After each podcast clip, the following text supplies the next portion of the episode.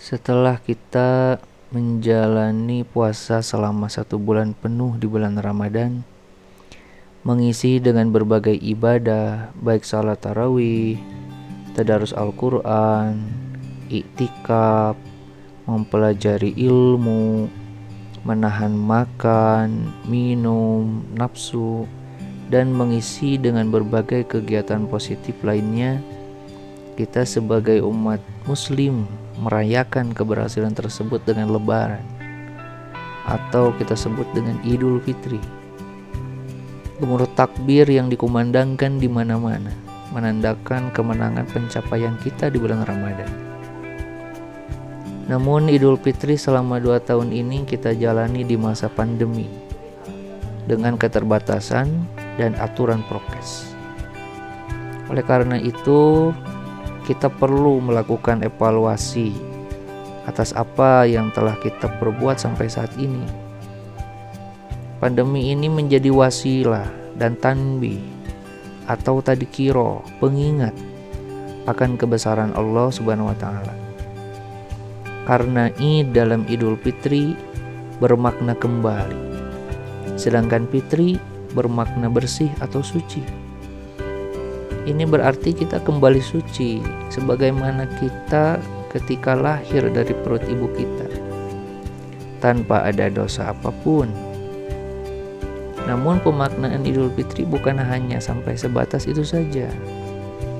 Kita juga perlu memaknai Idul Fitri sebagai momentum kita kembali kepada Allah. Mengingat Allah yang telah menetapkan segala sesuatu dengan kehendak dan kebesarannya. Momentum Idul Fitri ini kita jadikan sebagai ajang untuk memperbanyak ibadah, berbuat baik, melakukan hal positif, dan meningkatkan taat kepada Allah. Bukan hanya taatnya yang dilihat dari segi jumlah tapi taat dengan kualitas yang terbaik. Karena dikatakan bahwa laisal id liman labisal jadid walakinnal id liman ta'atuhu yazid. Jadi id atau lebaran itu bukan bagi orang yang bajunya bagus, bajunya baru. Nah, bukan bagi orang yang seperti itu tapi dikatakan bahwa walakinnal id liman ta'atuhu yazid. Jadi lebaran itu momentum idul fitri itu kemenangan itu bagi orang yang ketaatannya bertambah ibadahnya meningkat. Inilah yang harus kita lakukan pasca idul fitri pasca lebaran pasca bulan ramadan bertambahnya ketaatan kepada Allah dengan kualitas taat yang terbaik.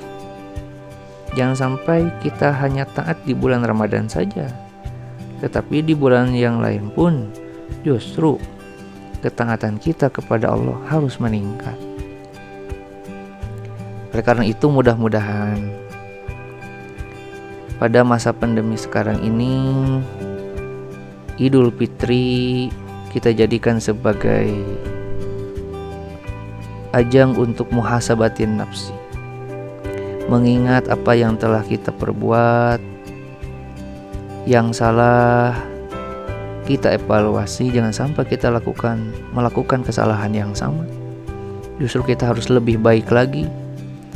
Kita juga harus punya rencana bagaimana ke depannya kita harus bertindak, berbuat, sehingga kita bisa menjadi hamba Allah yang bukan hanya dilihat dari segi ibadah jumlahnya saja, tetapi dari segi kualitas ibadah yang terbaik. Mudah-mudahan juga pandemi segera berakhir, kita kembali melakukan kegiatan sebagaimana sedia kala, melakukan ibadah sebagaimana sedia kala, dan mudah-mudahan kita semuanya berada dalam perlindungan dan rahmat dari Allah Subhanahu wa taala. Amin ya Allah ya rabbal alamin.